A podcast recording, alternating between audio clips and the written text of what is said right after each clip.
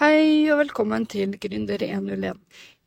Det her er Monica, og i dag har jeg tenkt å fortsette videre på de episodene hvor jeg snakker om hvordan man kan generere, generere flere leads i bedriften, spesielt når ting er litt ekstra tøft, og man kanskje har litt ekstra tid eh, og kapasitet til å gjøre de her tingene. Tidligere har jeg snakka om hvordan man kan publisere organisk innhold gjennom bloggposter og nyttige artikler, hvordan man kan sette opp quiz og eh, kalkulatorer på nettsida si, og hvordan man kan eh, lage sånne lead magnets, som er PDF-er som havner som en sånn pop-up-boks på nettsida. Alle det her er jo gode ting man kan bruke, men i tillegg så hadde jeg tenkt å dele en eller to tips til, og i dag så hadde jeg tenkt å snakke om hvordan man kan publisere videoer for å generere flere kunder. Og hovedsakelig så kan man jo putte de her videoene også på nettsida si, men tanken var at man publiserer de her videoene annet på YouTube. Og for de som er veldig, veldig tøff, så går det jo an å publisere de her på sosiale medier i tillegg, sånn som Facebook, Instagram og TikTok, eksempel, gjennom stories. Men hvorfor foreslår jeg å lage videoer på, eh, innenfor din nisje? Jo, fordi at det er jo veldig mange som bruker YouTube som en underholdningskanal, først og fremst, men veldig mange bruker også YouTube for å lære ting. Og YouTube er full av eh, nyttige videoer som man kan som, av folk som deler eh, informasjon de har om ulike ting. Og det er faktisk en del av dem som får eh, kunder eller klienter basert på det her. Spesielt gjelder jo det her i USA og sikkert Storbritannia og andre engelskspråklige land, men det skal jo egentlig ikke være noen grunn til hvorfor man ikke skal klare det her i Norge heller. Det kommer nok mest sannsynlig ikke til å være i like stor skala, fordi vi nordmenn er jo veldig flinke til å google ting på, på engelsk også, hvis vi lurer på noe. Men litt av det er jo fordi at vi vet at det kanskje ikke er like mange nyttige innhold eller artikler eller videoer om det her på norsk som det er eh, på engelsk, eksempel. Spesielt eh, syns jeg at det gjelder min bransje, blant annet. Så derfor så foretrekker jeg alltid å google på engelsk. Men eh, det trenger jo ikke alltid å være sånn, og hvis man setter på en måte standarden sjøl for hvordan det skal være, og at man publiserer ting på norsk, så kan det være at du får en del tilhengere her. Og i hvert fall hvis man serverer veldig nyttig informasjon om de ulike tingene som man publiserer, som folk ser på som gull verdt, da tror jeg at man kan få en del følgere ganske fort. Og hvis man føler at det går litt tregt med um, organiske følgere, altså at folk finner det og følger deg basert på det, så er det jo mulig å legge inn en liten eh, sum i potten for å bli oppdaga eh, mer etter det. Og hva er det man skal lage videoer om? Jo, det handler jo egentlig det samme som at man eh, lager videoer organisk på nettsida si, så man kan jo alltid inkorporere de her delene eh, sammen. Når det gjelder å lage en sånn review, for eksempel, på ulike heiser, så kan man jo ha fordeler og ulemper om ulike heiser, og hva, hva som er best der, eller at man svarer på ulike spørsmål folk lurer på. Men hovedtanken burde være enten at det skal være av underholdning, som kan være litt eh, vanskelig å få til noen ganger. Enten av underholdning, som sagt, eller at man gjør det av for en utdanningspurpose. Og da handler det jo litt om å prøve å finne ut hva er det folk har lyst til å utdanne seg på, og bli bedre på, å styrke seg sjøl på. Og så må man lage de her videoene. Og det trenger egentlig ikke å være så kostnads... Det trenger ikke å være så mange kostnader med det her. Hvis du har tid, så kan du jo lære deg å klippe de her videoene sjøl, og publisere dem på YouTube. Og Canva har jo veldig gode, gode grafiske og gratise metoder for å publisere noen gode grafikker til denne thumbnailen som skal være i begynnelsen av en YouTube-video. Og så kan man jo bare koble seg på enten mobilen og kjøpe på en måte eksempel en sånn støtte, en sånn er det tripod det heter, for eh, mobilen. Og da har man jo både kamera og en mikrofon, eller så kan man jo bruke webkameraet sitt enten på PC-en sin eller Mac-en, eller hvis man har et eksternt kamera. Jeg anbefaler jo selvfølgelig da å ha et eksternt kamera, fordi de er jo ment til å gi et godt lys. Jeg bruker Logitech Brio, og er ganske fornøyd med dem, men det finnes veldig mange gode kamera der ute. Og, og altså, hvis man skal gå mellom en PC-kamera og en mobilkamera, så vil jeg i de fleste tilfellene eh, gå for en mobilkamera med dagens kamera som blir laga på mobiler, rett og slett. Og så, i tillegg da, til å ha denne tripoden eller en eksterne kamera og en eventuelt en mikrofon Jeg bruker Yeti Mic eh, for å gi god lyd, men altså, røde er jo hvis man skal virkelig satse her, men da blir det jo også litt dyrere, men Røde er jo en av de beste merkene i forhold til mikrofoner der ute. Men i tillegg til det her, så anbefaler jeg jo også å ha en sånn der Det har jeg ikke sjøl, men det finnes sånne lysringer der ute som man kan kjøpe, som gir deg et mer naturlig lys når du skal være på kamera. Så det er egentlig ikke så store kostnader med de her. Kanskje maks 2000 kroner da, hvis man skal kjøre på med litt sånne eksterne deler. 3000 hvis du skal ha kamera, mikrofon, tripod og den der lysringen.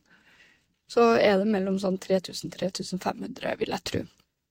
Um, og det er jo lureste er jo bare å starte en plass, og så eventuelt, hvis det tar skikkelig av, og man genererer en del kunder på det, og man ser nytten i det, så kan man eventuelt øke investeringa på de ulike komponentene senere. Men det viktigste er å bare starte der og publisere noen, og se om det faktisk genererer noe på en tre til seks måneders tid. Og hvis det ikke gjør det, så er det jo bedre å bare enten velge en annen strategi for publisering, eller så burde man bare prøve å velge en annen strategi i det hele tatt. Kanskje burde f.eks. en annen strategi være å publisere på engelsk, f.eks. Kanskje man når litt flere folk. Kanskje burde man søke litt ekstern hjelp i forhold til hvordan man øker sin organiske søk på YouTube gjennom eksterne konsulenter som er flinke på det her, og markedsføring, eller at noen andre lager det, thumbnailsene osv., eller at noen andre klipper videoene dine. Et annet tips er jo å på en måte bruke de lange videoene som du publiserer på YouTube at du også på en måte kutter dem opp i små shorts og reels. Publiserer dem på flere eh, kanaler enn bare lange YouTube-videoer. I tillegg så kan du jo lage reklame ut av det her gjennom Google Ads, og lage reklame på YouTube for Som på en måte surrer og går i tillegg. Som eh, kan generere også en del leads gjennom annonsering. Men eh, det viktigste er på en måte å ta og prøve å lage en, kanskje en liten slagplan, og konsekvent publisere noe hver andre uke, eksempel. Eh, og hvis du prøver, begynner å få veldig masse å gjøre, eksempel, så burde man prioritere et par ting, eller så burde man bare rett og slett søke ekstern hjelp på noen av komponentene. Så du filmer, på en måte, men noen andre kutter dem opp eh, og redigerer klippene for deg. Og det er jo ikke sånn at det her nødvendigvis kommer til å generere en del leads akkurat her og nå, sånn instant, men eh, målet er jo å publisere nok innhold til at folk Og varierende innhold til at folk har lyst å høre mer og mer av eh, det du har å tilby, at de ser på deg som en troverdig kilde, og at de rett og slett lurer på ikke du skal gjøre jobben for dem, istedenfor at de må prøve å gjøre det her sjøl. For hvis du lager undervisnings... Eller under... Jeg mener, hvis du lager undervisningsvideoer som eh, lærer bort noe til de, så er det jo veldig mange som tenker at det her koster sikkert altfor masse penger, jeg gjør det heller sjøl. Og så setter de i gang, og så prøver de å gjøre det. Og så innser de rett og slett at nei, det her var altfor mye arbeid, så jeg velger heller å jeg velger heller at noen andre skal gjøre det istedenfor meg. Jeg betaler heller noen til å gjøre det, fordi det her innså jeg var for tidkrevende og altfor vanskelig for at jeg skal kunne bruke all min tid på det her. Og frustrerende, rett og slett. Så de som oppsøker videoene dine, har jo et problem som de har lyst å løse. De tenker jeg har lyst til å løse det her sjøl, fordi det her går nok sikkert uh, fort. Det er fort gjort. Enkelt. Fem minutter, så er jeg ferdig med det. Og så med en gang de begynner, så innser de at nei, det her var faktisk mye mer avansert enn jeg trodde. Så derfor så kjører jeg i gang med noe annet istedenfor, og det er å få hjelp av noen som er eksperter på det her, som kanskje gjør det her på null komma niks istedenfor. Og da har jo de deg i tankene fordi de har sett videoene dine hittil, og syns at du er flink på jobben din, rett og slett. Og så handler det jo her også om å prøve å bruke YouTube som en søkemotor. Altså skrive inn temaet du har, og legge inn ulike ord og bokstaver for å finne ut hva er det folk søker på. Og så kan man jo selvfølgelig gå inn og se på analysen av videoene og sånn, se hvor mange som ser på videoene dine, analysere hvor lenge er de der, hva, når faller de fra, så videre og så videre, og så på en måte blir gjør du justeringer basert på den analysen. Og etter hvert, hvis det gainer traction, så kan du jo på en måte gjøre det mer og mer avansert etter hvert også. Man trenger jo ikke å gunne på 100% fra første stund. Man kan rett og slett ta tida med ro og prøve å um, teste ut litt ulike metoder og finne ut hva er det som fungerer. Det er jo det alle andre de kjente youtuberne har gjort. De publiserer jo innhold så det suser etter, og så ser de rett og slett på analysen, og så gjør de justeringer ut ifra det de ser at folk vil ha. Fordi det vi tenker folk vil ha, trenger ikke nødvendigvis å være det faktisk folk vil ha. Og så er det jo Altså, etter hvert så går det jo an å tjene også penger på det her. Det kan jo bli en side-inntekt, rett og slett, hvor man kjører på med typ sånn AdSense på YouTube-videoene. Og så kan man tjene noe penger på det her. Man tjener jo ikke så veldig masse på det. Det har blitt billigere og billigere, på en måte, eh, for YouTube. Men, men man kan tjene en del penger på YouTube også, hvis man vil. Så kan det være en fast månedlig inntekt man kan få i tillegg, som er en, en grei og eh, En grei forutsetning å ha. Men eh, da må man jo rett og slett få en del følgere sånn før Google Nei, før YouTube er klar for å gi deg inntekt. Det var vel det jeg hadde å si om eh, videoproduksjon og videoannonsering. I hvert fall når det gjelder YouTube. Jeg kan jo avslutte med å si det jeg nevnte om Instagram og Facebook og TikTok og sånn. Der handler det jo mer å være tilgjengelig for folk og logge seg på eh, Facebook eh, live eller eh, gå på Instagram med reels og stories og legge ut informasjon og tips og triks og egentlig litt informasjon fra hverdagen og sånn, kanskje som en bedriftseier eller noe i den duren, og publisere det her jevnt og trutt på de ulike eh, sidene for å få flere følgere.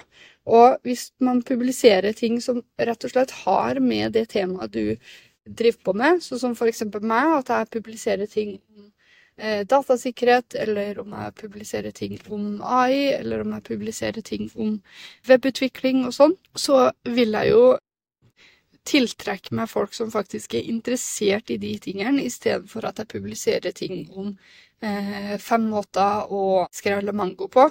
Da vil jeg jo ikke få de samme publikumfolkene eh, som jeg egentlig har behov for, eller vil ha.